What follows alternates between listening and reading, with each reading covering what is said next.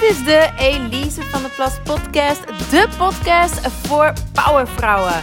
Voor vrouwelijke ondernemers en carrièrevrouwen die op alle vlakken zielsgelukkig willen zijn. Persoonlijk, romantisch en professioneel. Let's do it! Betere seks. Wie wil dat nou niet? Ik geef je dan ook groot gelijk dat je op deze aflevering hebt geklikt. Heel fijn dat je weer luistert. Nu, wanneer we het hebben over betere seks of meer zelfvertrouwen tussen de lakens, dan denken we vaak aan nieuwe standjes, um, rollenspellen en lingerie. En yes, dat kan allemaal werken, maar er zijn een aantal cruciale dingen die vaak over het hoofd worden gezien. En dat zijn de dingen die ik in deze aflevering met je zal delen. Dus let's talk about sex, baby. Ga er maar lekker voor zitten. Let's go. Sleutel 1 is simpel. Ik heb het ook al vaker gezegd in de afleveringen die gaan over meer zelfvertrouwen. Ken jezelf. En specifieker, ken je turn-ons en je turn-offs. Heel belangrijk voor betere seks is weten waar jij van aangaat. En het ging, klinkt heel vanzelfsprekend, maar heel veel vrouwen weten dit niet. En denk hierbij niet alleen aan seksuele zaken, maar ook sensueel. Dus welke geuren prikkelen jou bijvoorbeeld positief? Welke texturen? Wat voor soort aanrakingen? Smaken zelfs. Welke woorden hoor jij graag? Luister jij graag naar, de, naar muziek? En zo ja, welke muziek? Hou je van dirty talk of niet? Wil jij graag heel wil jij liever stilte?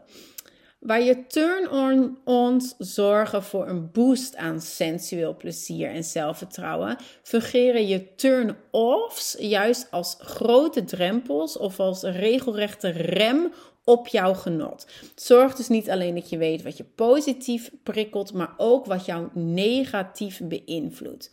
En algemene dingen die de meeste vrouwen ervaren als turn-off zijn bijvoorbeeld een gebrek aan energie. als je moe bent doordat je te weinig hebt geslapen of veel stress ervaart in je leven, dan ga je minder zin hebben in seks en dan ga je ook minder kunnen genieten van seks. Tijdsdruk is ook zoiets. En ook je omgeving kan een grote turn-off zijn. Als je omgeving bijvoorbeeld heel rommelig is, of als je omgeving jou herinnert aan dingen die je nog moet doen. Um, zoals bijvoorbeeld een vuile vaatwas die je daar ziet staan, of een volle wasmand. Dan ga je uit het moment en is het weer heel moeilijk om te ontspannen en genieten.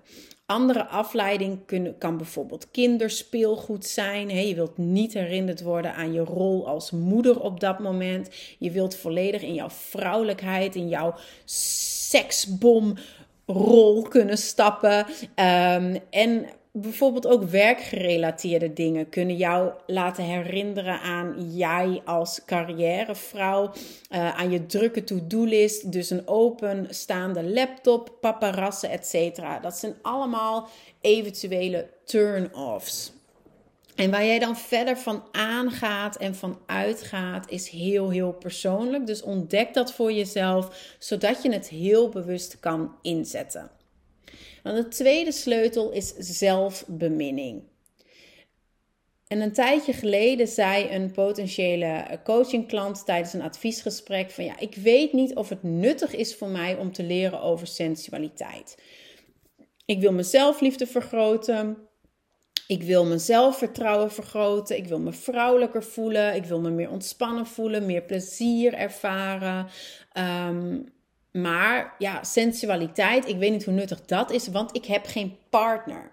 Ja, ik viel bijna van mijn stoel, want sensualiteit en seksualiteit, dat start niet pas als je een partner hebt. Hè? Dat start niet pas als je een partner hebt. Dat is er altijd. Dat zijn energieën, dat zijn verbindingen die overal om je heen zijn, waar jij je altijd mee kan verbinden, als je dat tenminste leert, voor jezelf.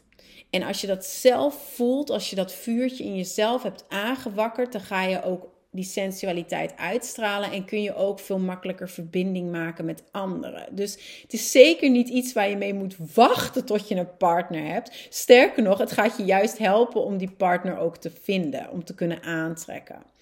Nou, tot het dan zover is, tot je dan die partner hebt, is het dus een kwestie van die seksualiteit en die sensuele energie nu al ruimte te geven in je leven. En een belangrijke sleutel die ik nu dus noemde, sleutel 2, is zelfbeminning. Wacht niet met seks hebben tot je een partner hebt. Heb solo seks. Heb seks met jezelf. Bemin jezelf. Niet alleen ontdek je zo ook jouw turn-ons en jouw turn-offs heel goed, maar de verbinding met jezelf versterkt en je zelfliefde neemt toe. En dit kan ook weer seksueel zijn, maar ook sensueel. Dus als ik het heb over sensualiteit, heb ik het over zintuigelijke prikkelingen. Geef jezelf een complimentje in de spiegel. Neem een zalig ruikende massageolie en masseer jezelf liefkozend.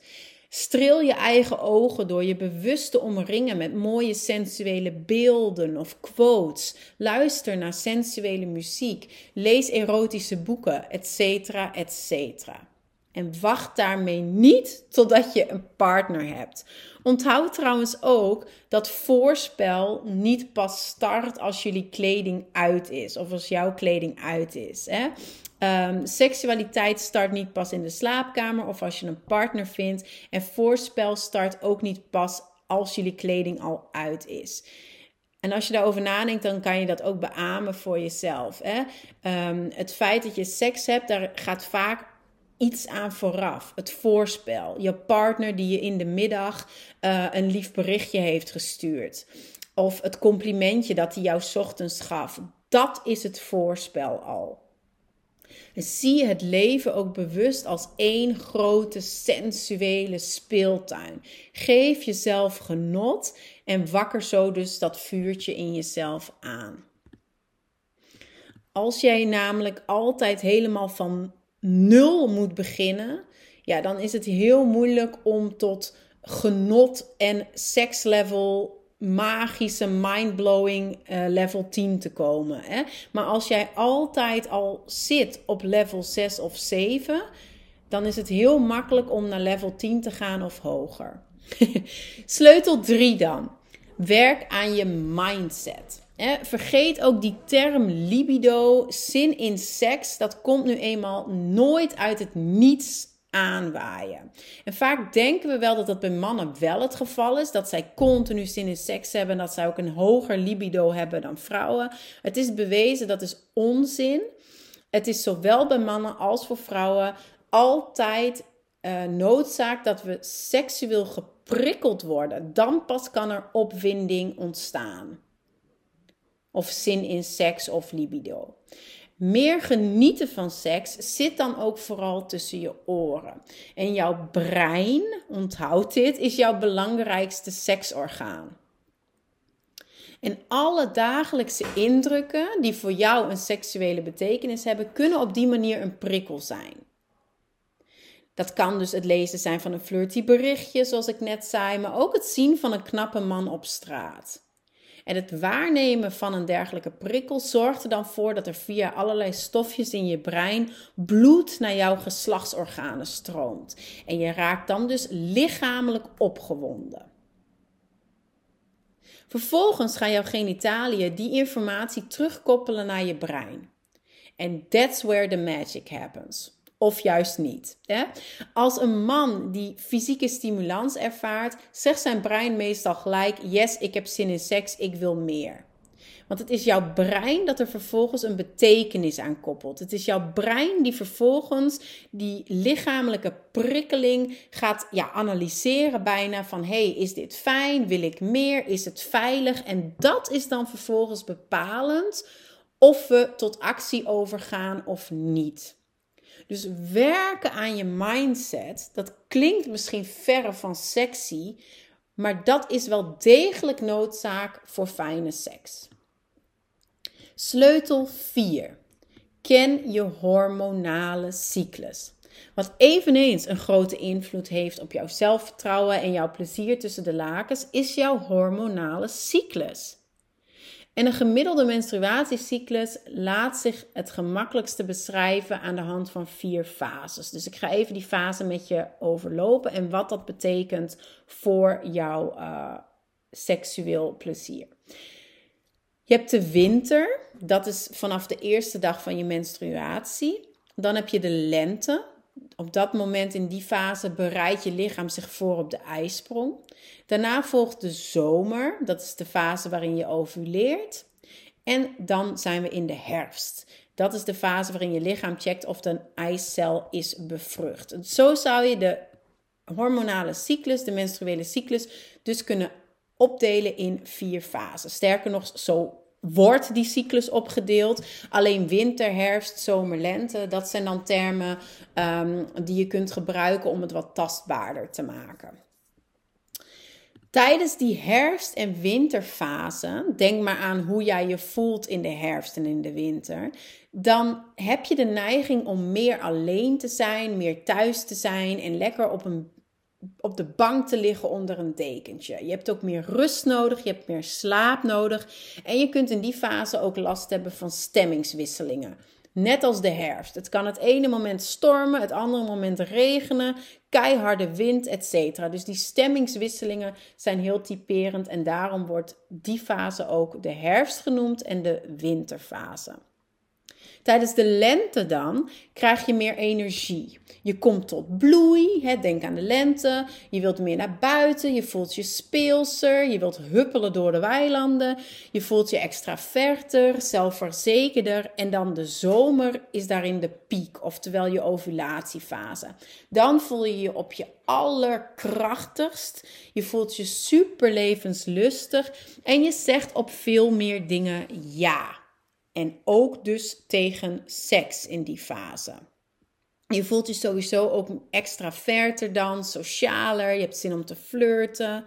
Nou, en als je deze fase van jezelf heel goed kent, dan kun je ook jouw seksuele spel daarop aanpassen. En dus op die manier meer genieten. Heel concreet nog, tijdens de menstruatiefase hebben de meeste vrouwen simpelweg minder behoefte of zin in penetratie seks. Het is dan ook de fase waarin je lichaam letterlijk iets afstoot. Plat gezegd, er wil iets uit. Het bloed, bloed stroomt uit je vagina. Dus er wil iets uit, er wil niet iets in.